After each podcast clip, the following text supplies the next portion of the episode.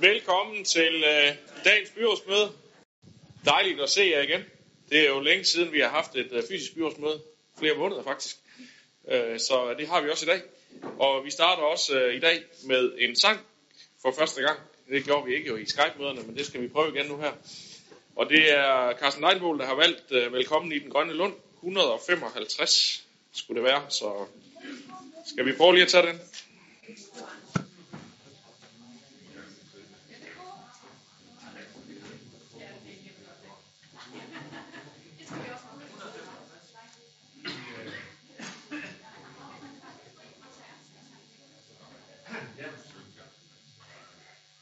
Velkommen i den grønne lund, hvor fuglene de sjunge, det hører skal den danske mund.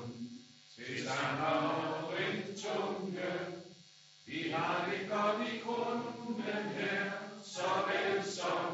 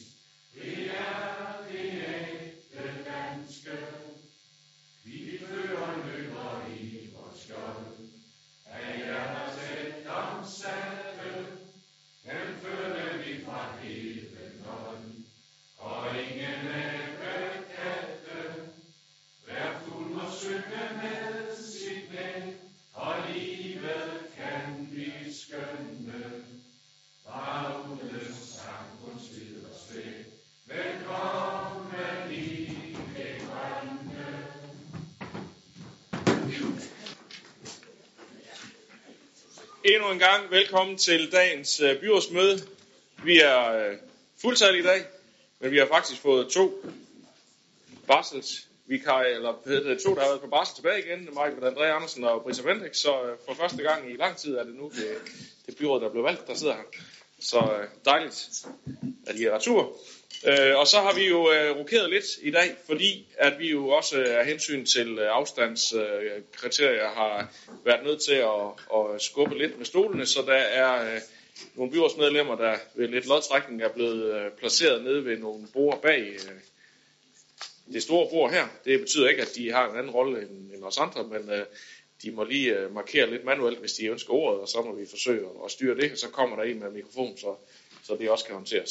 Så det håber jeg, at det lykkes at få afviklet byrådsmødet sådan øh, på nogenlunde fornuftig vis, øh, selvom vi sidder lidt mere spredt, end, end vi plejer. Vi har øh, udsendt en dagsorden til dagens møde, det er sag nummer 1. Jeg skal høre, om der er nogen, der har bemærkninger til den. Det er der ikke, så den har vi hermed godkendt. Så når vi til øh, sag nummer 2, som er godkendelse af regnskab for det fælles kommunale redningsberedskab.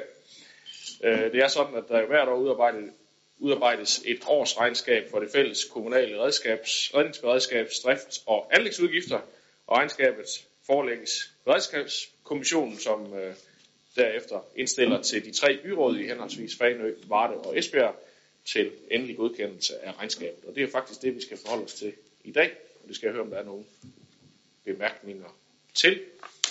Det har Jørgen Alkvist. Værsgo, Jørgen. Ja, tak. Øh, jeg vil da bare gå mesteren op i det, han siger omkring vores øh, fælles redningsberedskab i de tre kommuner, øh, Sydvestjysk Brandvæsen. Og det er jo en sag, der har interesseret mig i mange år, i og med at jeg også har siddet i beredskabskommissionen, og nu er vi i 23 år. Øh, og der bliver fremlagt et regnskab for 2019, der er jo stort set, det løber faktisk lige rundt med et øh, plus på 70.000 kroner, det vil sige, at det går lige op Og det er vi glade for. De her, der kan huske, øh, gennem tiderne har vi jo prøvet flere konstellationer af omkring økonomien i vores øh, brandvæsener for at få det til at passe. Først havde vi mange penge med, så fjernede vi dem, og så gav vi nogen tilbage igen. Og nu tror jeg, det kommer til at ligge øh, på, på det niveau, det koster rent faktisk at, at køre til alle de opgaver, der er her i, øh, i, i vores tre kommuner. Og det er jo et fælles kommunalt anlæg, så det er, faktisk, det er faktisk ret spændende at være med til. Når det så er sagt omkring øh, øh 2019, så er vi i Beredskabskommissionen også blevet visket i ørerne, at øh, det indeværende år kan øh, komme til at sprænge rammen. For der har været store udfordringer, det er svært at huske allerede nu, men for få måneder siden var store dele af kommunen jo oversvømmet på grund af voldsomme mængder regnvand. Så, så der er flere ting, og dem har de så forsøgt på at sige i kommissionen. Det kan være, at det kommer den her gang. Men jeg synes i hvert fald, fra, fra vores byråds øh, side skal der lyde en stor ros til, til mandskab og ledelse i Sydvestjysk Brandvæsen, de frivillige, og selvfølgelig også til vores kolleger i de to byråd i, øh, i Varde og på Faneø. Tak. Tak for det. Så skal jeg lige høre, om øh, der er styr på streamingen af vores øh, møde igen. Vi øh, har haft lidt udfordringer med streamingen, men nu øh, skulle vi være klar igen, og øh, vi er i gang med sag nummer to, som handler om godkendelse af egenskab for det fælles kommunale redningsberedskab. Og øh, desværre har Jørgen Alkvist holdt et rigtig, en rigtig, et rigtig flot indlæg, som, øh, som offentligheden så er gået glip af. Men øh, jeg har tilbudt ham ordet igen, men han, øh, han øh, synes, det skulle starte forbeholdt byrådet. Det var en god tale, kan jeg sige. Og et godt øh, ros til beredskabet, og, øh, og et flot regnskab, der, der her næsten øh, går i nul. Øh, jeg kan så supplere med, at, Øh, at der jo allerede er sket noget i 2020, som godt kan give lidt udfordring i forhold til næste års regnskab, fordi at øh, der kom jo en hel del vand i starten af året, og så har der jo været en situation her med, med corona, øh, som også har, har også påvirket på det felt, så øh, der er allerede nu indikationer, der siger, at det nok ikke går helt så glat øh, næste år, men det må vi tage til den tid. Jeg skal høre, om der er flere, der ønsker ordet til øh, godkendelse af regnskabet her. Det er der ikke, så det har vi hermed godkendt. Så går vi videre til øh, sag nummer 3, som øh, handler om øh, lokale måltal for overgangen til ungdomsuddannelser, og det er en sag, der har været i børne- og familieudvalget, så den forelægger sig formanden derfor. Værsgo, Diana Mos Olsen. Tak for det. Øh, årsagen til, at vi overhovedet har sagen på, øh, jamen det udspringer sådan set af, at regeringen og en række af Folketingets partier i 2018 har lavet en aftale, der hedder fra folkeskole til faglært. Og man kan sige, at de her måltal, øh, de kunne jo være rigtig, rigtig spændende for os, og er det også, for det er noget, vi har arbejdet længe med. Men det, som øh, aftalen her den, øh, siger, at vi skal, det er at sætte måltal op for søgningen til erhvervsuddannelser og gymnasiale uddannelser for elever, der kommer direkte fra 9. og 10. klasse. Og man kan sige øh, meget godt om den del af det, og øh, vi har også positivt bakket op om, at vi sætter de her måltal, og, øh, og det gør vi egentlig, fordi vi i Esbjerg Kommune igennem en årrække har arbejdet øh, konstruktivt øh, med den her udfordring, for vi mangler rent faktisk også unge mennesker, der søger ind øh, på vores erhvervsuddannelser. Og det har vi egentlig gjort, øh, tænker vi nok selv, øh, forholdsvis godt, fordi det ser faktisk ud til, at stigningen i Esbjerg Kommune er blandt øh, det højeste på landsplan. Øh, det er sådan, at det kun er Esbjerg og Vejle, der har set den fremgang, vi ser lige i øjeblikket, sådan så vi i Esbjerg Kommune er gået fra 20 til 23,4 procent i den direkte søgning til erhvervsuddannelserne. Og, øh, og det har vi selvfølgelig, fordi vi har lavet en lang række tiltag. Vi har blandt andet haft den her erhvervsplaymaker, som vi har øh, forlænget yderligere to år. Vi har sat øh, skærpet øh, fokus på vejledningen, vejledningsindsatserne. Øh, men er det alene det, der er årsagen til, at tallene de er steget så meget? Det ved vi ikke. Og derfor har forvaltningen kommet med måske ikke et helt så ambitiøst måltal, Øh, unge og uddannelsesudvalget var i hvert fald inde og sige, at de synes ikke, at tallet var ambitiøst nok, fordi man jo rent faktisk allerede i indeværende år har overhalet det måltal, der er sat. Øh, samtidig med så øh, vores nedsatte unge og uddannelsesudvalg, de anbefalede også børne- og familieudvalget at kigge på, om ikke vi skulle skrive til undervisningsministeriet og, øh, og anbefale, at man faktisk lavede denne her måde at skabe måltal øh, at man lavede den anderledes, så vi i realiteten kan bruge tallene til noget. Så vi har øh, valgt at lytte til det nedsatte unge- og uddannelsesudvalg. Ikke på den måde forstået, at vi afviser og godkende de tal, som forvaltningen har stillet. Dem har vi sagt ja til, men samtidig har børnefamilieudvalget øh, sendt øh, en skrivelse til undervisningsministeriet, hvor vi egentlig beder om, at man ikke alene kigger på den direkte adgang fra 9. og 10. klasse til erhvervsuddannelserne, men man faktisk også går ind og kigger lidt på overgangen fra vores øh, lokale FGU og til ungdomsuddannelserne, og egentlig også gerne andre tal, der kunne give mening. Og øh, man kan sige, at vi håber selvfølgelig lidt på, at øh, de her 23,4 procent, som vi nåede op på i indeværende år, de fortsætter, så kan det godt være, at vi skal ind og se en stigning i antallet af måltal, som vi har sat os lokalt fra. Men øh, vi afventer lige øh, i årene fremover, og så kigger vi selvfølgelig også lidt på, om den henvendelse, vi har lavet til ministeriet, om den rent faktisk bærer frugt. Så kan det være, at vi kan komme endnu højere op. Men ellers så øh, anbefaler vi egentlig, at vi følger øh, indstillingen i forhold til de måltal, der er sat op, og det er en anbefaling, der deles både af børnefamilieudvalget og økonomiudvalget. Tak for det. Så er det Sara Nørris.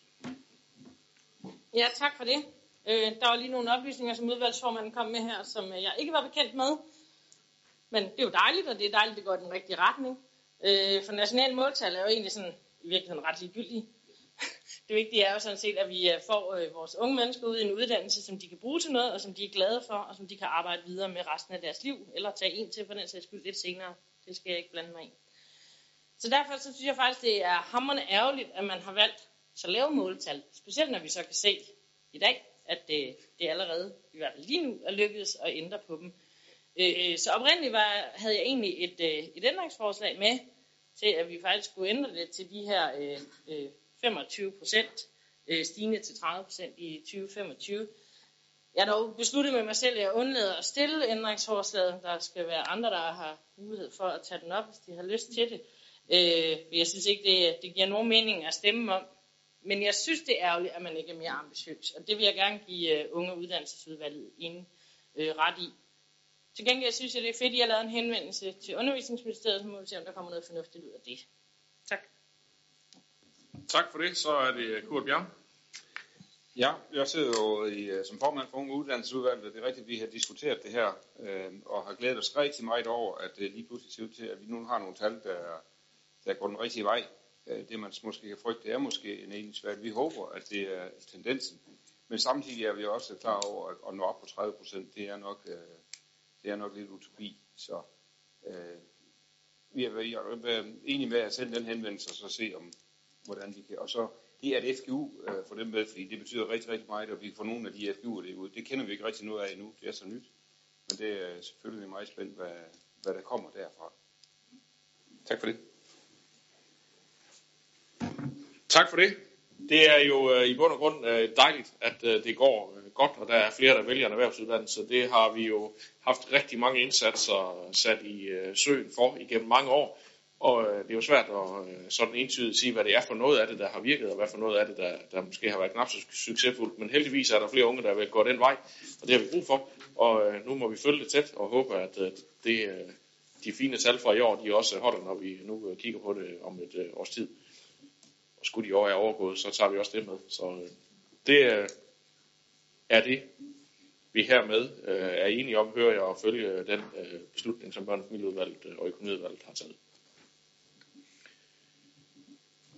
Så når vi til øh, sag nummer 4, som handler om øh, kulturskolen, brugerbetaling i en covid-19 lukkeperiode, en sag fra Kultur- og Fritidsudvalget, så mig på André Andersen, du får lov til at fremlægge den. Værsgo. Tak for det. Under coronakrisen, der har øh, landets kulturskoler, som så meget andet jo også øh, haft lukket. Og selvom kulturskolen her i Esbjerg, de har fundet øh, alternative løsninger, øh, Øh, i forhold til at flytte en del af undervisningen ud på de digitale platforme, så er det selvfølgelig ikke kunne øh, erstatte den her øh, normale undervisning, som der jo har været tidligere. På nationalplan der har KL øh, forespurgt Kulturministeriet, om forældrene de skal tilbagebetales for den aflyste undervisning. Øh, men ifølge kulturministeren, der er der ikke en lovmæssig begrundelse herfor. Øh, og øh, at, at, øh, at refundere øh, hvad hedder det, elevbetalinger i den her situation. Øh, ministeren opfordrer dog til, at kommunerne støtter musik- og kulturskolerne øh, og undgår, at forældrene skal betale for en ydelse, som deres børn ikke modtager. Øh, dog vil kommunernes eventuelle udgifter til tilbagebetaling øh, ifølge KL formentlig ikke være dækket af den aftale, KL har lavet med regeringen omkring kommunernes udgifter i forbindelse med coronakrisen. På grund af restriktionerne, så er der stadigvæk ikke muligt at afvikle alle øh, aktiviteter i kulturskolen. Øhm, og, øh, og afhængig af, hvornår undervisningen er tilbage på et normalt niveau, så vil det koste mellem en halv og en hel million kroner at betale forældrene tilbage. Øh, Økonomiudvalget og Kultur- og Fritidsudvalget er enige om, at vi indstiller til, at øh, Esbjerg Kulturskole ikke tilbagebetaler brugerbetalinger for den periode, hvor der har været lukket for undervisningen på grund af coronavirus. Tak. Tak for det. Det er jo lidt ærgerligt, at øh, der har været lidt slingerkurs fra regeringens side i den her sammenhæng, fordi at man har jo besluttet, at øh, for eksempel på, på børn, øh, hvad hedder det, daginstitutionsområdet, der er der jo, øh, der bliver det dækket af de omkostninger, kommunerne har, hvis, hvis man ikke øh, kan gøre brug af det, ja, så er det faktisk også noget, kommunerne kan indregne som nogle af de omkostninger, man kan få kompensation for. Det kan man så ikke på det her område, derfor er vi så nødt til at, at øh, tage den beslutning, som vi kommer til at gøre nu, nemlig at øh, man dermed ikke får, får pengene tilbagebetalt. Ærgerligt, men øh, sådan må det så være. Så hermed har vi fuldt indstillingen fra Kultur- og fritidsudvalg og økonomiudvalg, eller beslutningen derfra. Så kommer vi til øh, sag nummer 5, som handler om revision af regulativ for erhvervsaffald. En sag, der har været i plan- og miljøudvalget, så værsgo, Karen Sandrini, den får du lov til at forelægge. Nej, det skal man ikke. Ganske kort. Jamen, jeg er rigtig glad for, at vi i dag forhåbentlig kan sende regulativet af erhvervsaffald i høring. Øhm, det betyder nemlig, at vi inden længe starter med at sortere vores erhvervsaffald og vores øh, madaffald der. Med den nye ordning, der bidrager vi til bedre udnyttelse af energien, for eksempel fra vores madaffald. Plan- og Miljøudvalget og Miljøudvalget indstiller til byrådet, at forslag til regulativ for erhvervsaffald godkendes og sendes efter, øh, efterfølgende i offentlig høring. Plan- og Miljøudvalget bemyndiges til at vedtage regulativet endeligt, medmindre der i forbindelse med offentliggørelsen fremkommer bemærkninger, som er principiel karakter, eller som har, været væsentlig, øh, som har en væsentlig betydning for en større gruppe øh, virksomheder. Tak for det. Det er der ikke øh, andre, der har bedt om ordet til, så det kan vi hermed tilslutte os. Så går vi videre til øh, sag nummer 6, som handler om et regulativ, lignende regulativ, men den her gang for husholdningsaffald. Værsgo, Karen, du får ordet igen. Tak. Øh, jeg er også rigtig glad for, at vi efter i dag forhåbentlig kan sende vores andet affaldsregulativ i offentlig høring, nemlig det regulativ, der som vedrører vores husholdningsaffald. Med ændringen indfører vi også forbrugerne en pligt øh, til at sortere madaffaldet til øh, restaffaldet, så vi alle sammen bidrager til en bedre udnyttelse af energien i vores madaffald. Plan- og Miljøudvalget og Økonomiudvalget indstiller til byrådet, at forslag øh, til regulativ for husholdningsaffald godkendes og sendes i offentlig høring. Og Plan- og Miljøudvalget bemyndiges til at vedtage regulativet endeligt, med mindre der i forbindelse med offentliggørelsen fremkommer bemærkninger, som er principiel karakter eller som har væsentlig betydning. Tak for det. Det er der heller ikke nogen, der har bedt om ordet til, så det kan vi også være enige om at sende i høring. Så når vi til øh, sag nummer 7, som er en øh, endelig vedtagelse for helhedsplanen af området ved Kammerslusen. En sag, der har været i teknik- og byggeudvalget, så det er formanden derfra, der fremlægger den. Værsgo, Søren Heide Lambertsen. Tak skal du have. Helhedsplanen for området ved Kammerslusen har nu været i offentlig høring og er klar til endelig vedtagelse. 30 ud af 35 høringssvar synes at være en reaktion på et opslag vedrørende offentlig slæbested. Disse svar indeholder øh, i sig kun selve slæbestedet og kommenterer ikke på selve helhedsplanen. Vi vurderer ikke, at nogle af de indkommende høringssvar giver anledning til ændringer af helhedsplanens vision og forslag. Hvis et slæbested, hvis et slæbested realiseres, vil kommentarerne herom selvfølgelig blive medtaget i projektet. Teknik- og byggeudvalget og økonomiudvalget indstillet til byrådet, at helhedsplanen for området ved Kammerslusen vedtages. Tak for det. Så er det Jørgen Bosen Andersen. Ja, tak. Vi kan godkende helhedsplanen. Øh, Det vil give et løft til hele området ved Kammershusen, øh, som vil blive endnu mere attraktivt og få, og få flere besøg af både lokale og turister. Det vil medvirke til en bedre adgang for alle til Vadehavet. Øh, også spændende for, når Vadehavsalat starter op med afgangen fra Sønderho til Kammershusen, bare for at nævne noget. Og det vil sikkert også være medvirkende til at skabe mere liv i området. Øh, vi har flere år forestillet os, at salas kan muliggøre, at cyklen medbringes, og der på den måde kan arrangeres en rundtur med cykel og sejltur og medbragt narko, hvis man har lyst til det. Det er via høringssvarene indkommet mange positive svar omkring slæbestedet. Som det påpeges, skal der tages højde for, at øh, det der det indpasses slæbestedet, og ikke kommer til at fylde for meget for sejlklubben og de øvrige gæster ved Kammerslusen.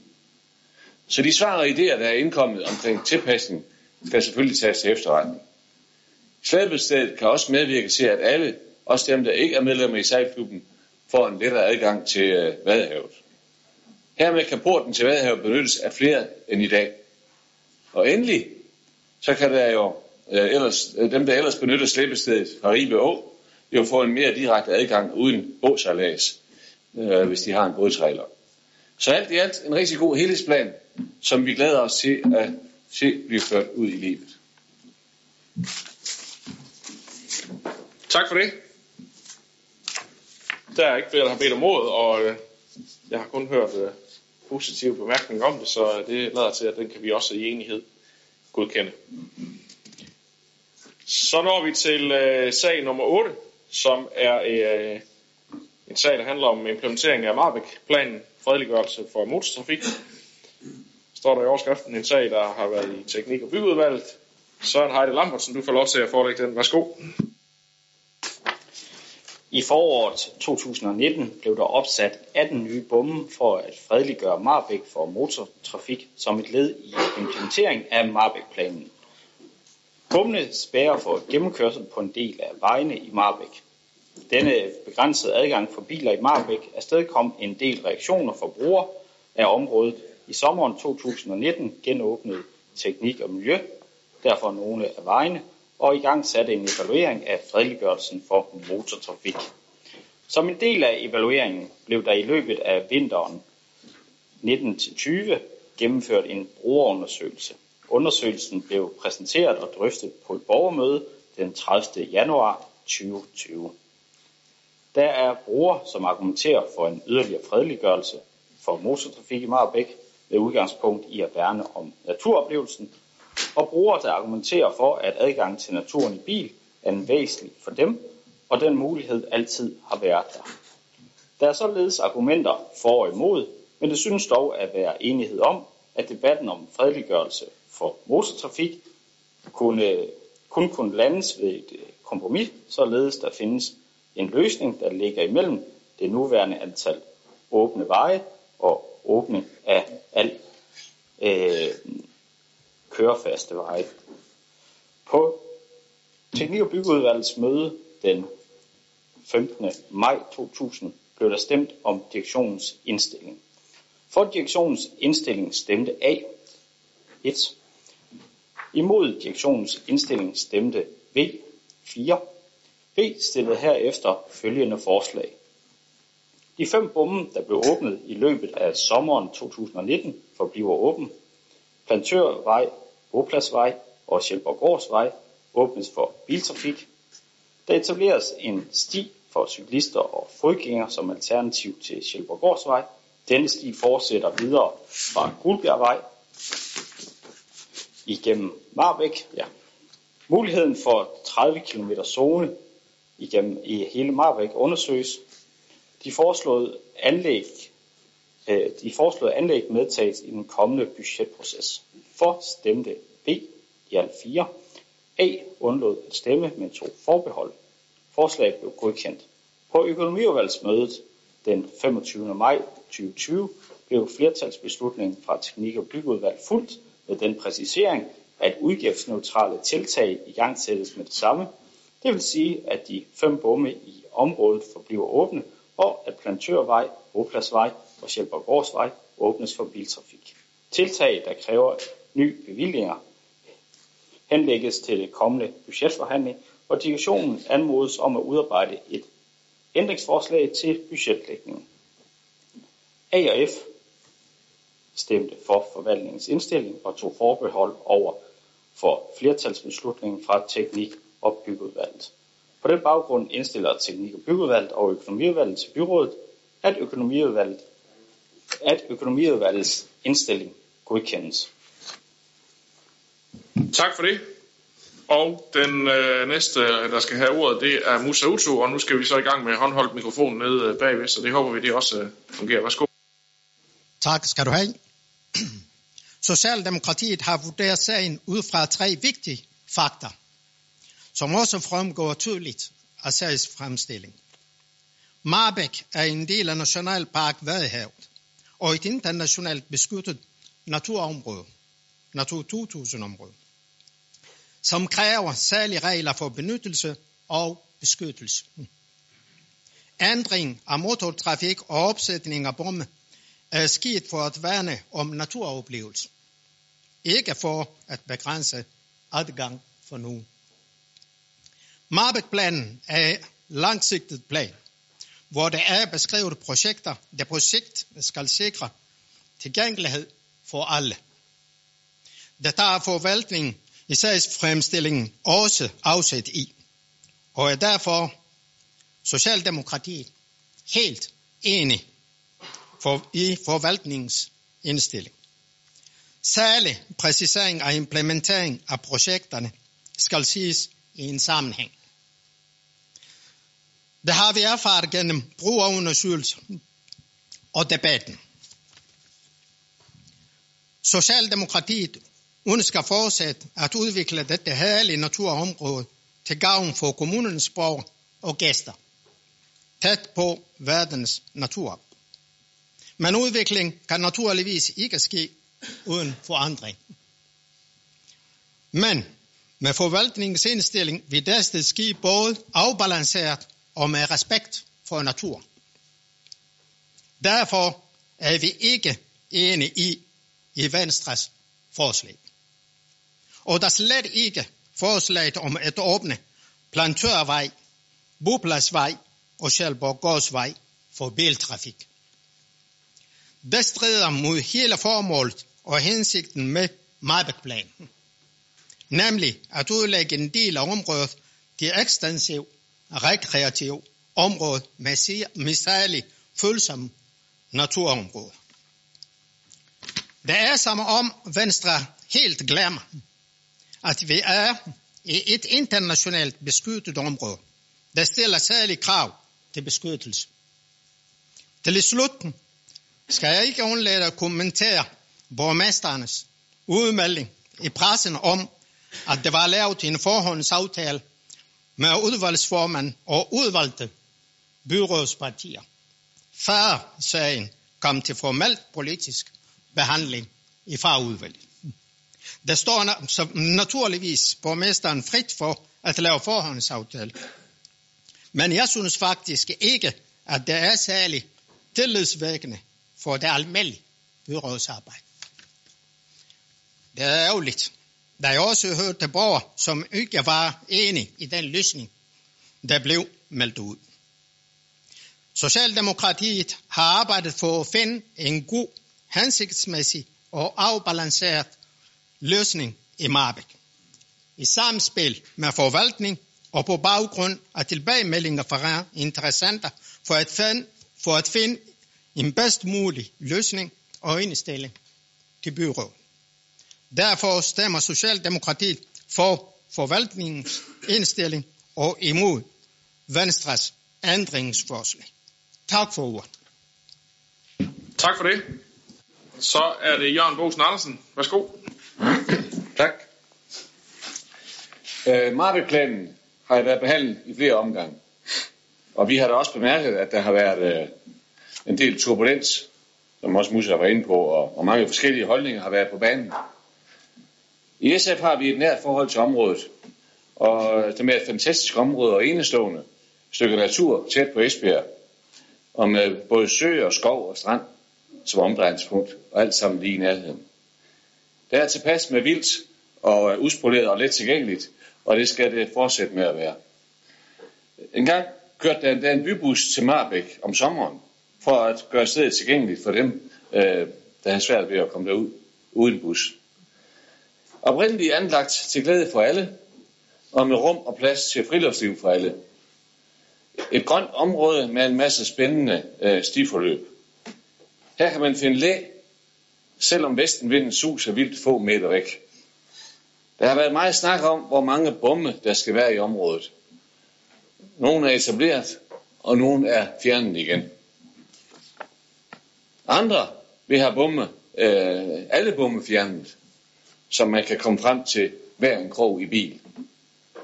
Derfor er vi nødt til at finde et, et kompromis mellem de mange forskellige forslag, der har været på bordet. Anderledes kan det jo ikke være, hvis uh, vi ønsker at få afsætte en endelig plan for området. Når man er i gang med det, håber vi, at der kommer en lidt mere overskuelig oversigt over de mange forskellige stier, der forefindes i området. Med hensyn til vores indstilling, kan vi leve med en mindre åbning, som forvaltningen, øh, som, den, øh, øh som forvaltningen anbefaler. Det er med begrundelse i, at vi fortsat ønsker Marbæk som et område med minimal biltrafik, der samtidig sikrer tilgængelighed for alle, uden nødvendigvis at sikre, at alle biler har adgang til alt.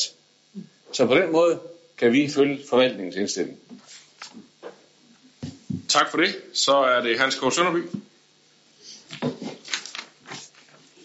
Når det gælder gennemførelsen af vores politik, hylder vi i Dansk Folkeparti begrebet jo før jo bedre. Men i erkendelse af, at det er de færreste steder, vi har, kan mønstre et flertal, og det gælder også i Esbjerg Byråd, kan vi blive nødsaget til at nøjes med begrebet bedre sent end aldrig. Da vi i Dansk Folkeparti for mere end et år siden erfarede, at en forvaltningsmæssig overtolkning af et ønske i den politisk vedtagende Marbæk-plan om en fredeliggørelse af området resulterede i en afspærring med bomme af sivevejnettet, troede vi, at den misforståelse hurtigt kunne rulles tilbage. Det skulle vise sig, at så let gik det heller ikke. Nu lysner det med det kompromis, som vi godt kan leve med. Det vi har ønsket er, at det vejnet i området, der hele tiden har været fremkommeligt for almindelige køretøjer, også i fremtiden skal være tilgængelig for her og fru Massen, der er kommet lidt op i årene og har fået lidt tunge ben. At den del af vejnettet i området, der mest egner sig til kørsel med offroader, forbliver afspærret, strider ikke mod vores ønsker. Skal jeg udtrykke mig diplomatisk om det forvaltningsarbejde, der har konkretiseret sig, efter at man vedtog en plan med rummelige begreber, må det være, at jeg er alt andet end imponeret. Meget snævre brugergrupper har fået lov til at sætte sig på det naturområde, der gerne skulle være tilgængeligt for alle kommunens borgere. Området er i bilafstand for de fleste borgere, og fredeliggørelsen kan passende sikres med en zonehastighedsbegrænsning på 30 km ved de fem indfaldsveje til området. Den vil også øh, gælde for de tohjulede, der jo ikke tilbageholdes med bomafspæring, men øh, har fri rejs på de nuværende. En genåbning af vejnettet giver en videre igen mulighed for, at redningskøretøjer kan komme frem til brand for behov ved uheld, hvor akut opstår sygdom. Forhold, der til synligheden helt overset. Det behøver vi ikke en tragisk hændelse for at synliggøre. I Dansk Folkeparti tilslutter vi os naturligvis indstillingen for flertallet i teknik og byggeri. Tak for ordet. Selv tak. Øh, en enkelt kommentar lige, øh, Hans K. Sønderby. Jeg vil bare sige, at jeg er ikke helt enig i din udlægning om, at det var en forvaltningsmæssig overfortolkning af beslutningen, fordi at det er et enigt byråd, der har besluttet en Marbæk-plan. Øh, og der stod i den plan, at der var nogle veje, der skulle omdannes fra øh, veje til cykel- eller gangstier. Og det har man så valgt øh, i udmyndningen at håndtere med en bum. Man kunne også have en stor sten, eller man kunne have gjort noget andet, men, men fakta var ligesom, at det var en vej, der skulle laves om til en cykel og en gangsti. At det så har haft nogle konsekvenser, som, som, som øh, vi så er, er nogen her, der har valgt at sige, det synes vi måske var lidt voldsomt nok, og, og lad os nu se, om vi lige skulle revidere den beslutning. Det er så det, der gør, at vi i dag kan tage en, en anden beslutning, men, men øh, vi har selv besluttet i byrådet, at det var sådan, det skulle ske, og det er så den udmyndning, som, som der er sket øh, efterfølgende. Den næste på talelisten, det er Henrik Valø. Værsgo. Tak for det. Af Vision 2020 fremgår følgende. Marbæk, et unikt rekreativt naturrum i Esbjerg Kommune for styrkelse af borgernes fysiske og mentale sundhed. Største, størstedelen af Marbæk-området er kommunalt ejet, og denne unikke kulturhistoriske perle er derfor frit tilgængelig for alle borgere og besøgende i Esbjerg Kommune. Det mener vi, at den skal blive ved med at være. Af forord, af forord til selve planen fremgår det, at vi med den vedtagende nye plan for området ønsker at sikre udviklingen og kvaliteten i området, til fortsat gavn for de mange brugere. Så vidt så godt kan man sige. Set i bagklogskabens klare lys, havde det måske været det bedste helt at holde sig fra større ændringer i Marbæk-området. I hvert fald så virker det nærmest som om, vi med denne plan har skabt en række problemer, der så at sige aldrig har eksisteret. Og øh, det, der nok har været det største samtale, har netop jo været, som borgmesteren lige var inde på, opsætning af de mange bomme i området. Og jeg må bare sige, at øh, selvom jeg læste Marbæk, forslagen til Marbæk-planen, så var der vel ikke mange, jeg havde i hvert fald ikke forestillet mig, at en såkaldt fredeliggørelse af området ville betyde opsætning af bomme overalt. Det er selvfølgelig en nem måde at fredeliggøre på, når man nærmest afspærrer området. Øh, der har naturligt været en vældig folkelig interesse for hele det her opsæt, og vil også øh, med rette nogen moro rundt omkring vores egen, eller vores ageren her i den her sag. Så jeg håber virkelig, at det i dag løs at nå til bare nogenlunde enighed. Borgerlisten kan følge det af Venstre fremsatte forslag til indstilling, dog med undtagelse af, at der skal etableres en sti for cykler og fodgængere som alternativ på til Sjælborgårdsvej. Det forslag har vi svært ved at se nødvendigheden af. Øh, der er i dag en ganske god, der er i dag ganske god plads til både gående og kørende på den her strækning. Og jeg ved godt, at der står i øh, indstillingen øh, fra økonomiudvalget, at det tager vi med til, til budgettet, men nu har jeg ligesom nævnt det her, så glæder vi mig rigtig meget, at Jørgen Bosen Andersen nævner, at øh, i gamle dage, der var der en bybus, og de gamle dage, det er ikke ret længe siden. Den skal vi bare tilbage. Det er linje 1 af, den skal bare lige slå et klav, så kan borgerne også komme med bus til Sjælborg. Det bliver dejligt. Tak for ordet. Tak for det. Så er det Anne-Marie Gersel Andersen. Tak. Bare lige først så vil jeg sige, at jeg er fuldstændig på, øh, på linje med Jesper i forhold til det med forvaltningen, at, at øh, der var vedtaget en fredeliggørelse, og hvilket øh, redskab forvaltningen vælger at lave den fredeliggørelse med. Det tænker jeg, det må være op til forvaltningen, medmindre vi har besluttet noget andet, medmindre vi konkret har sagt, at det skal gøres sådan og sådan. Så der er jeg, øh, der er jeg helt på linje. Øh, mit bliver altså også lidt langt, øh, og det gør det, fordi at det er også noget, der ligger meget, meget på sind. Og vi har ikke haft mulighed for at deltage i drøftelser heller i udvalget. Men det er den eneste gang, jeg siger noget i dag, håber jeg. Så det må I leve med. I Radikale Venstre, der synes vi nemlig heller ikke, at den her sag er landet så heldigt. Øhm, det er meget positivt, eller det er simpelthen positivt nok, kan man sige, at politikerne her har sat sig for bordenden. Men processen har i vores øjne ikke været køn. Og vi kan ikke bakke op om den løsning, som et flertal meldte ud i JV, og som man nu også har stemt igennem i øh, fagudvalget.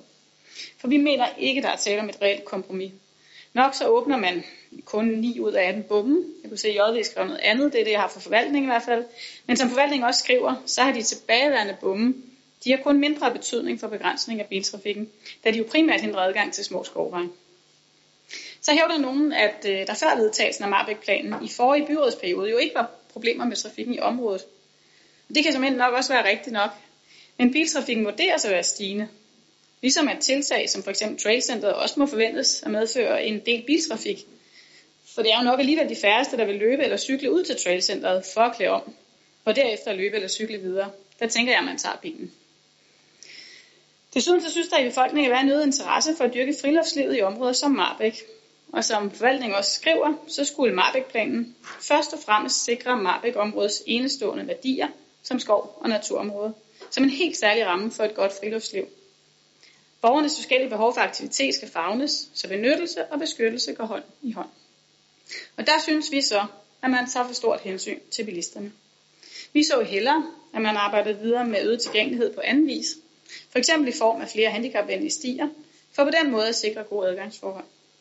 Eller andre mere fleksible løsninger, som for eksempel skilte med motorkøretøjer forbudt, og så for eksempel undtage køretøjer med handicapskilt eller lignende. Som det er nu, så bliver det meget lidt kreativt. Bumme op eller bumme i. Og vi synes ikke, at der bliver taget nok hensyn til de mange interessenter, som ønsker biltrafikken reduceret. Ifølge Naturstyrelsen, så gives der også kun øh, i særlige situationer dispensation til kørsel i vores statsskov. Og ligeledes så er det mit klare indtryk, at tendensen i mange andre kommuner er, at man ikke skaber bedre rammer for biltrafik i grønne områder. Tværtimod. I stedet ses et stigende brug af rekreative områder, hvilket øger behovet for at skabe plads til flere forskellige brugergrupper med mulighed for at opleve større sammenhængende områder, områder hvor der ikke er biltrafik. Og det var også det oprindelige formål med Marbæk-planen. At sikre god tilgængelighed, samtidig med at store dele af Marbæk blev fredeliggjort for motortrafik. Og det formål mener vi altså, at man har bevæget sig for langt væk fra, og det kan undre. Den næste sag, vi i aften skal tage stilling til, den går sjovt nok også i præcis modsatte retning. Fordi i forbindelse med cykelstien fra Ribe til Vadehavscenteret, der kan man jo godt finde ud af at lukke vejene for at reducere biltrafikken. Ligesom man så vidt muligt benytter eksisterende veje som cykelsti, i stedet for at anlægge nye. I Marbæk derimod, der ønsker et flertal nu at bruge mere end 2 millioner kroner på at anlægge en ny sti langs Sjælbergårdsvej. Og der skal formentlig også eksproprieres og søges om dispensationer, da stien jo, som Musa var inde på, går gennem naturbeskyttede, eller beskyttede naturområder. De 2 millioner, som cykelstien vurderes at koste, er derfor kun et groft overslag. Eventuelle udgifter til ekspropriation er ikke medregnet, hvorfor stien sagtens skal gå hen og blive dyrere. De penge de kunne i vores øjne gøre større gavn andre steder. Eksempelvis så kunne man komme langt med plus 2 millioner i området omkring Bollesager skole, hvor de trafikale forhold langt fra til gode ser børnenes trafiksikkerhed. Det kunne man have gjort, hvis man ikke havde fjernet sig så meget fra de oprindelige intentioner af Marbæk-planen.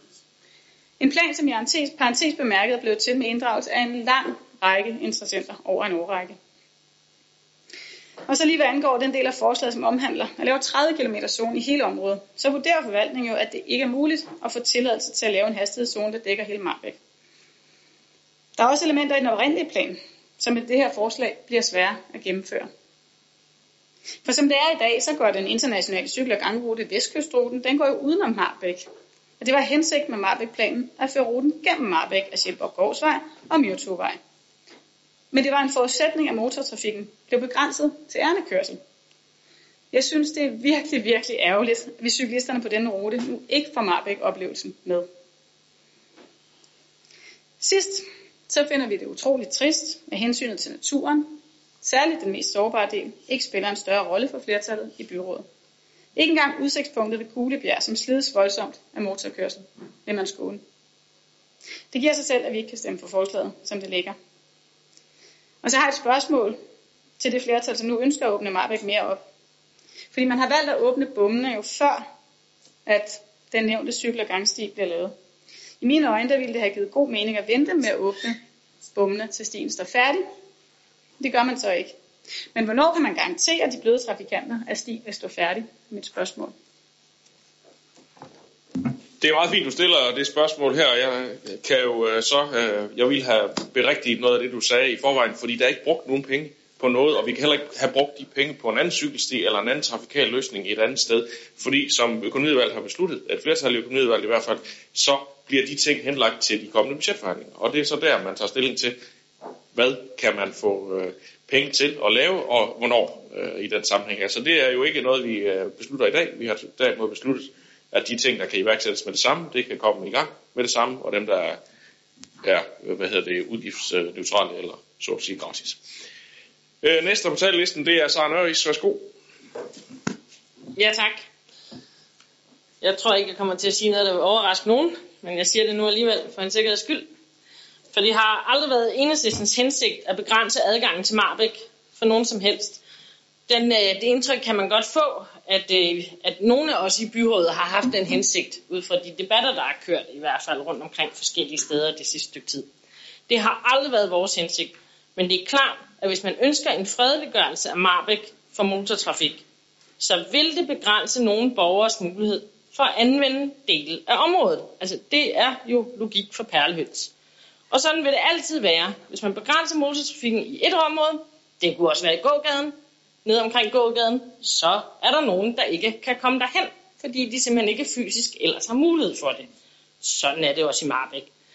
Derfor er det også en selvfølge for enhedslisten, at for de her grupper af borgere, som ikke har muligheden for, ligesom os andre, at gå længere distancer, der skal selvfølgelig være nogle initiativer til dem, så de også kan nyde vores helt fantastiske område, som der er rigtig, rigtig mange, der er virkelig misundelige på os.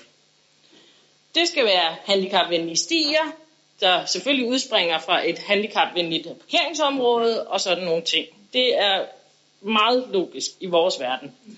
En fredeliggørelse for motortrafik er jo så heller ikke det, der bliver besluttet her i dag, snart tværtimod i virkeligheden.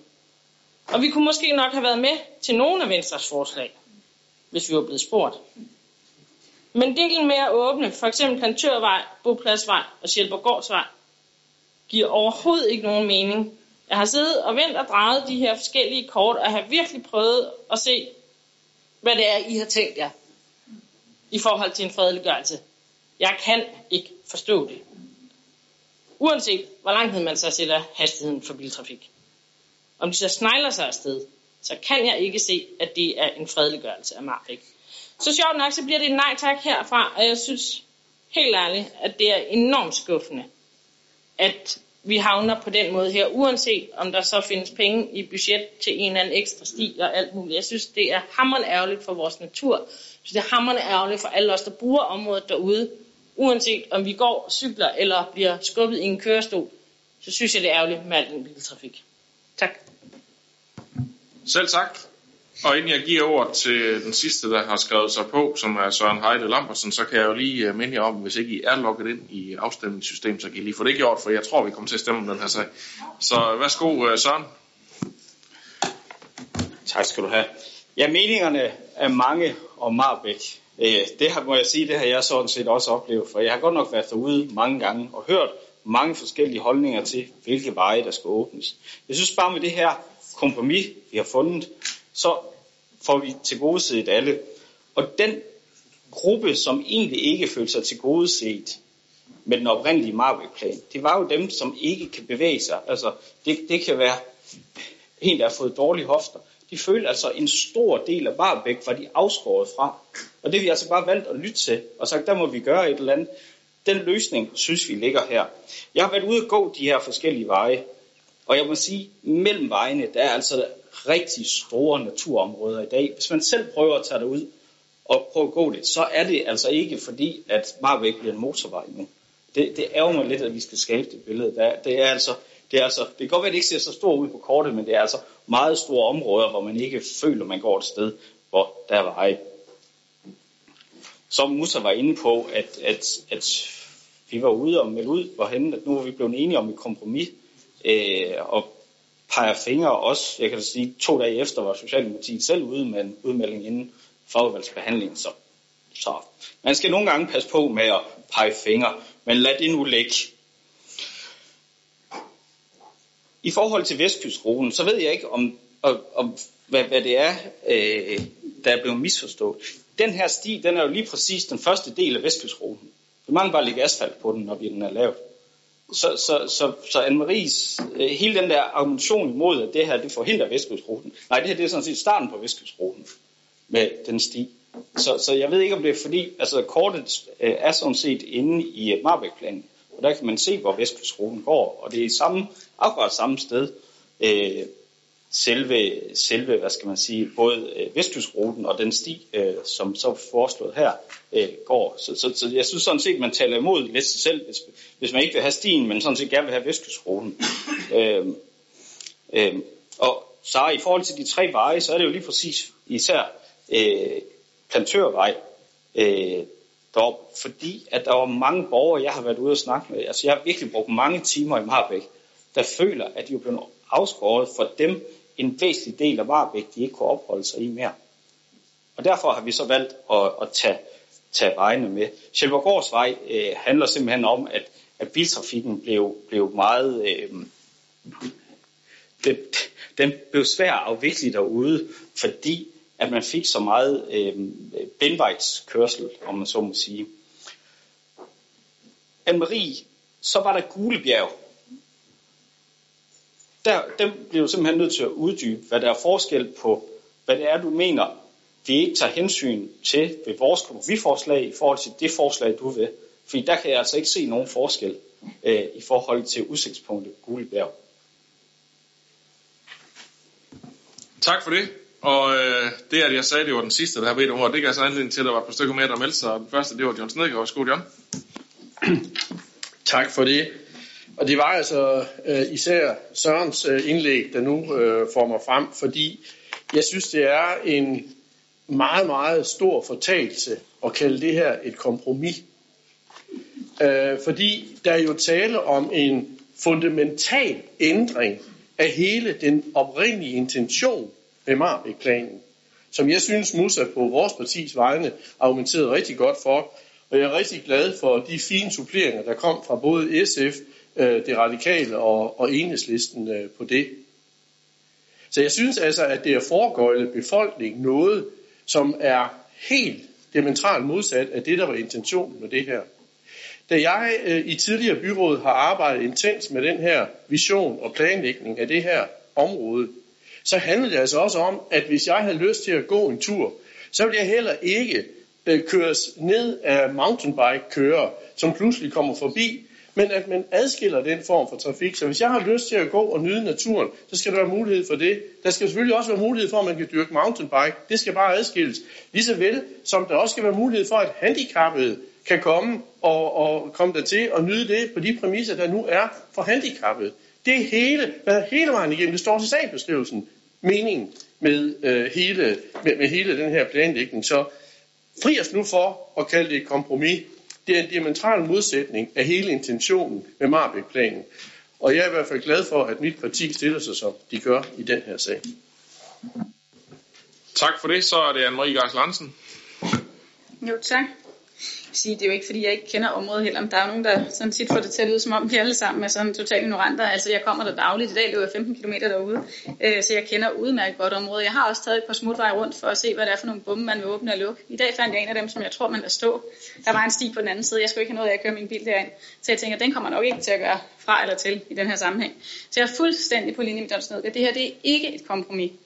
Der er nogle interessenter, der er kommet ind i debatten meget, meget sent i et forløb, som ikke har lavet høringssvar dengang, man lavede den store plan. Og den bliver der i mine øjne lyttet uforholdsmæssigt meget til. Så ved jeg godt, at man kan problematisere den undersøgelse, og nogen gør det, der er lavet, fordi interessenterne ikke fylder så meget. Men det er jo fordi, de efterhånden har givet op alle de andre brugergrupper, som var involveret. Og de taler jo på vegne af en lang række grupper, bare cyklistforbundet, dem der er ellers naturfredningsforeninger osv., de er jo fuldstændig stået af, for den her proces er trukket så langt ud, at de føler ikke, at der er blevet lyttet. Tværtimod, så går man ud og lytter til nogen, som melder sig ind i debatten meget, meget sent. Så det andet, det er det her med, at, øh, som John også var inde på, at øh, hensigten var jo netop at, at adskille brugergrupperne, så alle kunne få en god naturoplevelse. Så cyklisterne ikke skal køre ned af bilerne og hestene. Altså de ridestier, der er nu derude, hvor man åbner ved Bopladsvej. Jeg tænker, jeg løb forbi i forleden og tænkte, hvad, hvad skal der nu ske her? Der kom et par heste ind over, jeg kom løbende, jeg kunne godt holde tilbage. Altså det var lige præcis det, der var hensigten, at alle kunne få en god oplevelse. Og det er altså ikke alle, som ikke kan gå, som drager fordel af det her. Jeg kender børn, der sidder i kørestol, som kommer der med deres familie. Det har de kun nu hvor der har været begrænset adgang for bilerne. Fordi så er der et par børn, der cykler ved siden af, og så kan man gå med ham i kørestol, men det, det, det kan man bare ikke, når bilerne skal køre igennem, for der er ikke særlig meget plads på Sjælborgårds vej. Så det betyder altså også noget for mennesker, som går dårligt. Det gør det.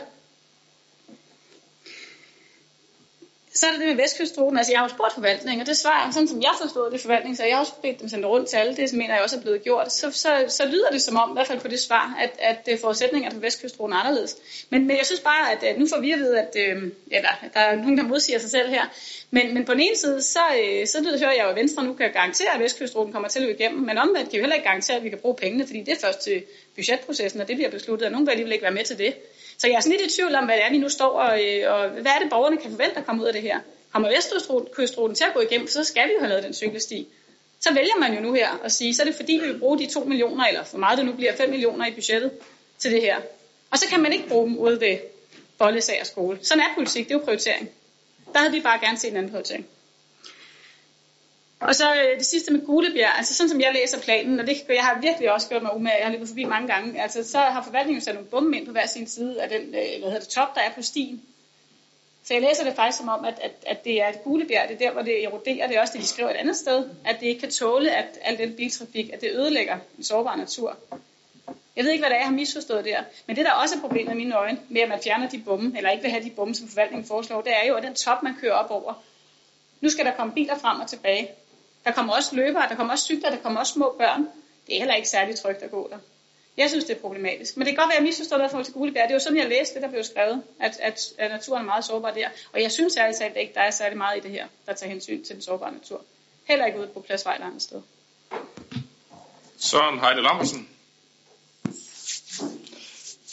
Øh, jeg, jeg, jeg, jeg synes også bare, at sagen, nu, nu prøver jeg at hæve mig lidt op, og så sige, at det er to skovveje, vi er uenige om, hvor der er lukket for biltrafik i dag, som vi åbner for biltrafik. Det er det eneste, vi står her og diskuterer om.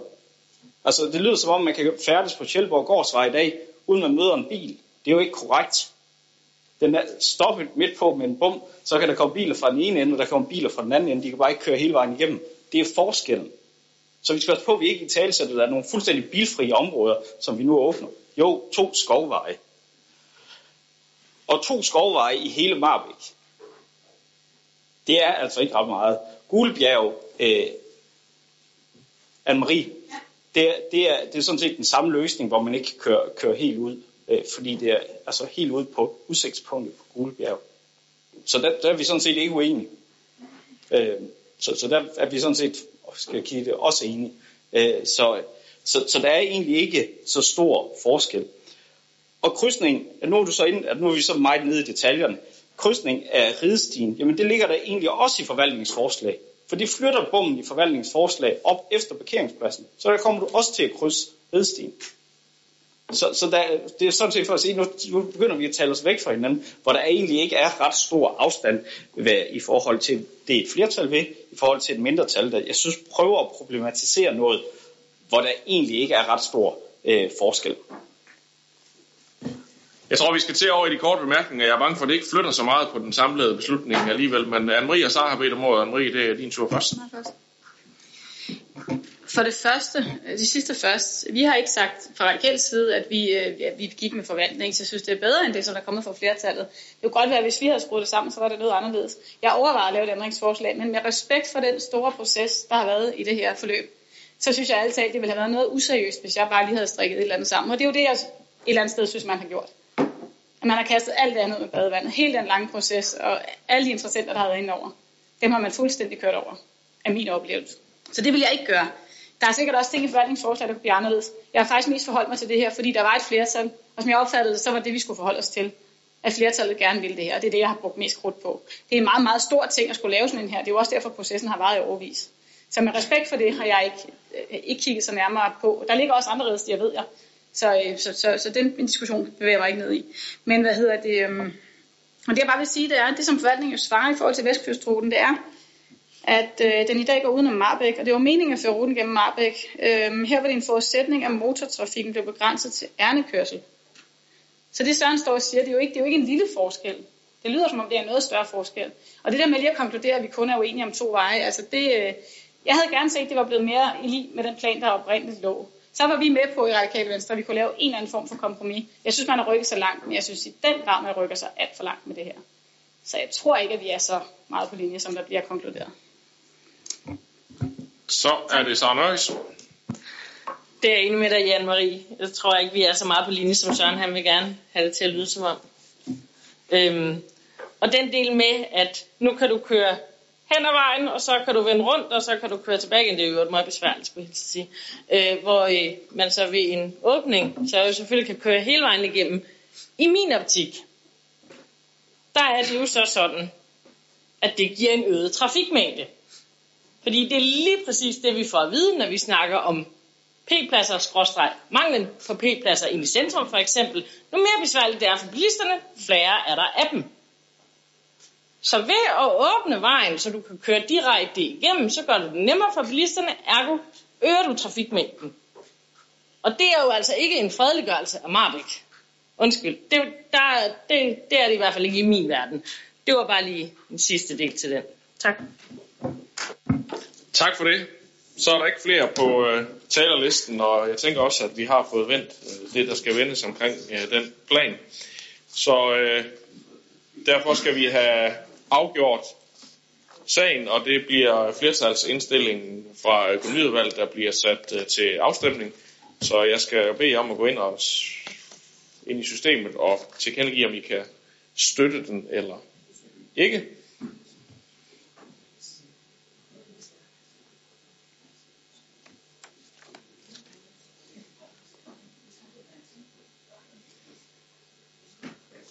Tak for det. Så er der 31, der har afgivet stemme. Det øh, passer jo meget godt med, hvor mange vi er. Der var 17, der stemte for, så ændringsforslaget, økonomiudvalgets ændringsforslag er hermed godkendt. Så kommer vi til øh, sag nummer 9, som øh, handler om en opkvalificering af private fællesveje og ændringer i vejens funktioner. Det handler om etablering af en cykelsti fra Ribe til Vadhavet. En sag, der har været i teknik- og byggeudvalget, og formanden arbejder lige på at finde det rigtige talpapir på den her sag, så Søren Heide Lambertsen, er du klar til at fremlægge den her sag, så værsgo. Ja, vi skulle ikke starte på Marbæk forfra, så, så jeg skulle lige være sikker på at finde det rigtige talepapir. Godt. Cirka 2,5 km af den planlagte strækning af cykelstien mellem Ribe og Vadhavet forløber på eksisterende mindre private fællesveje af varierende benyttelse og standard. Som en del af projektet foreslås det, at de private fællesveje, som fremover bliver en del af stiforløbet, ændres til offentlige veje og opgraderes med fast belægning. Esbjerg Kommune vil efter ændringen blive pålagt vedligeholdelsespligten af strækningen i stedet for de enkelte grundejere. Beslutningen om ændringen af private fællesveje skal sendes i direkte partshøring og offentlig høring i overensstemmelse med lovgivningen. Først efter høringsperioden kan der træffes endelig beslutning herom. Teknik- og byudvalget og økonomiudvalget indstiller til byrådet, at indstillingen følges som beskrevet i dagsordenen. Tak for det. Det er der ikke øh, andre, der har bedt om ordet til, så øh, jeg vil hermed konkludere, at vi kan og har med godkendt indstillingen. Så når vi til øh, sag nummer 10, den sidste på den åbne dagsorden. En sag, der omhandler lidt samme sag, nemlig det her, det er så arealerhvervelse i forbindelse med cykelstien. Så Søren, du får ordet igen. Værsgo. Så er der hul igennem. Cykelstien fra Ribe til Badhavscentret har været i høring, om end det blev lidt anderledes end først planlagt på grund af corona. Høringssvarene bestod af en blanding af indsigelser, bemærkninger og idéer til projektet. Nogle af høringssvarene er generelle, om f.eks. stiens forløb og placering, mens andre er meget konkrete omkring de enkelte borgers ejendomme. De konkrete bemærkninger vil blive medtaget i forbindelse med eksproprieringsprocessen. Der har været rigtig mange gode drøftelser, drøftelser om stiens forløb med blandt andet interessenter og lodsejere.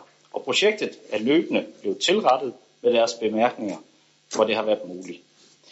Med justeringer efter mødet i Teknik- og Byggeudvalget udvalget den 1. maj, mener vi nu, at vi har fundet den bedst mulige løsning. Vi glæder os til at få gang i arbejdet, så turister og borgere kan komme ud og opleve vores skønne natur og den, det flotte Vadehavscenter. Teknik- og byggeudvalget og økonomiudvalget indstiller til byrådet, at indstillingen følges som beskrevet i dagsordenen. Tak for det. Så er det Jørgen Bosen Andersen. Det er godt, at øh, cykelstien nu trods alt bliver mellem Vest og Vest og Øst og Vest bliver øh, etableret. Øh, det er vigtigt for området, øh, der har fået mange flere cyklister på vejen efter at Værhavscenteret er åbent, men også øh, tiltrængt i forvejen langs den store smalle vej helt til, fra Vest og Vest til Øst og Vest. Der er altid mange meninger når, øh, og ønsker, når der skal etableres øh, en ny cykelsti. Her har der så været forskellige holdninger til, om stien er etableret for turister eller for lokale beboere. Vi håber på, at den bliver til glæde for, øh, for begge parter, og at den vil blive brugt, så vi får en sikker stiforbindelse for hele området. Vi kan se, at der på nogle af strækningen kommer øh, udfordringer med blandet trafik. Det var det punkt, vi var inde på før nok, med biler og cykler øh, og stille trafik. Vi håber, der findes en god løsning og en sikker løsning på det fremover. Vi foreslog i sin tid, at man kunne have anvendt to minus en vej på en længere strækning af den, den delstrækning her, eller af strækningen i det hele taget. Nu bliver det så kun på den korte del, nemlig langs øh, Okholmvej til Vadehavscenteret. Vi er selvfølgelig spændt på, hvordan det kommer til at forløbe. Øh, vi forestiller os, at det med fordel kunne anvendes flere steder i vores lokalområder fremover, hvor der ikke er grundlag for at etablere traditionelle cykelstier. Men alligevel er der, hvis der er udfordringer med omkring trafiksikkerheden, og behov for flere sikre cykelveje, akkurat som vi ser det her i dag. Tak for det. Og så skal vi lige have gang i den øh, håndholdte mikrofon, fordi nu vil Alex Sørensen gerne sige noget.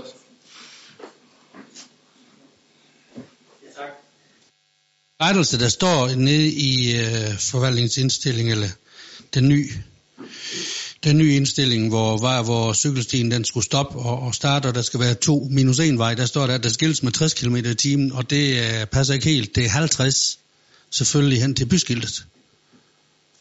Og så 60 km længere ud.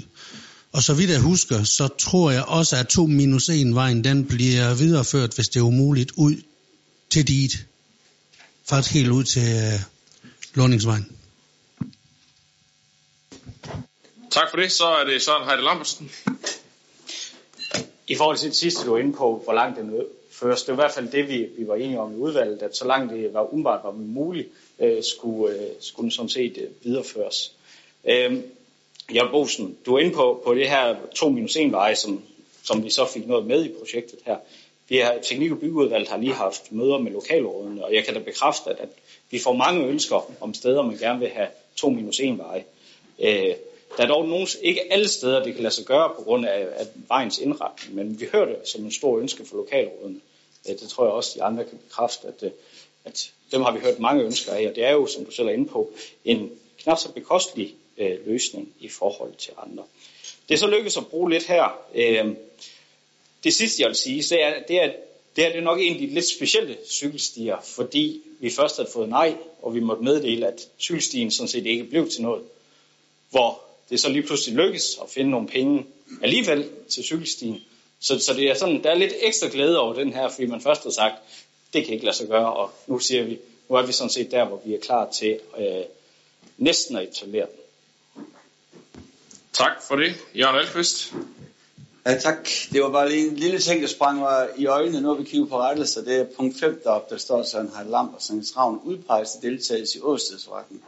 Bør vi ikke fremadrettet sørge for, at det er fra forskellige partier, måske endda fra to forskellige blokke, når vi laver en åstedsretning? Jeg ved, der kan være årsag til, at de to navne lige præcis er inde i samme, samme, samme linje utilsigtet. Så lad den stå den her gang, men skulle ikke fremadrettet kigge på de ting efter. Det er øh, godt observeret, Jørgen. Det er også sådan, det har været, og nu har økonomiudvalget jo så godkendt det her. Jeg hører også, at øh, du kan leve med, at byrådet gør det samme, men, øh, men øh, det får vi, det tager vi, tager vi med næste gang. Uh, så er det Jørgen Bosen Amsen.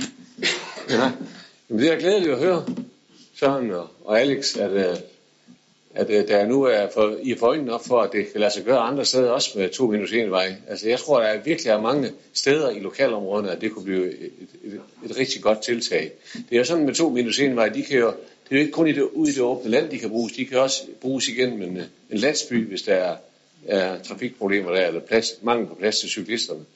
Så jeg håber, at det er noget, der vi vil komme til at se fremadrettet, og det viser sig også i undersøgelser, der har været på landsplan med trafiksikkerhed og trafikstyrelsen, at det er noget, som mange er glade for rigtig mange steder. Og det håber jeg også, vi kan blive i Esbjerg Kommune. Tak. Tak for det. Så den sidste på talelisten, Søren Heide Lambertsen. Værsgo. Nu kan det komme til at handle meget om to en vej. Øh, øh, altså, jeg vil sige, at vi har hele tiden haft øjnene op for det her øh, to minus en vej. Men, men jeg vil sige, jeg har, har, har personligt nu været sådan lidt afholdt med at sige, lad os nu afvente de steder, vi har lavet det. Fordi der har vi faktisk erfaret, at bilisterne, fordi vi ikke har ret mange i vores kommune, tager lidt, skal lige have lidt tilvændingstid til at sige, hvordan placerer man sig egentlig på vejene. Nu har vi fået noget, noget erfaring med, hvordan skilter vi, hvad får dem egentlig til at placere sig rigtigt på vejbanen. For de virker jo kun, hvis bilisterne placerer sig rigtigt, og jeg sådan set ikke bliver i tvivl øh, omkring det. Det er vi sådan set kommet godt i mål med nu, så, så nu er vi sådan set klar til at, at gå skridtet videre og få nogle flere 2 minus 1 veje. Øh, men, men jeg synes altså hele tiden, vi har haft øjnene op for dem. Det var lige på falderæbet, uh, Preben, at du nåede at markere, inden uh, vi nåede til afslutningen af mødet, men nu får du ordet. Værsgo.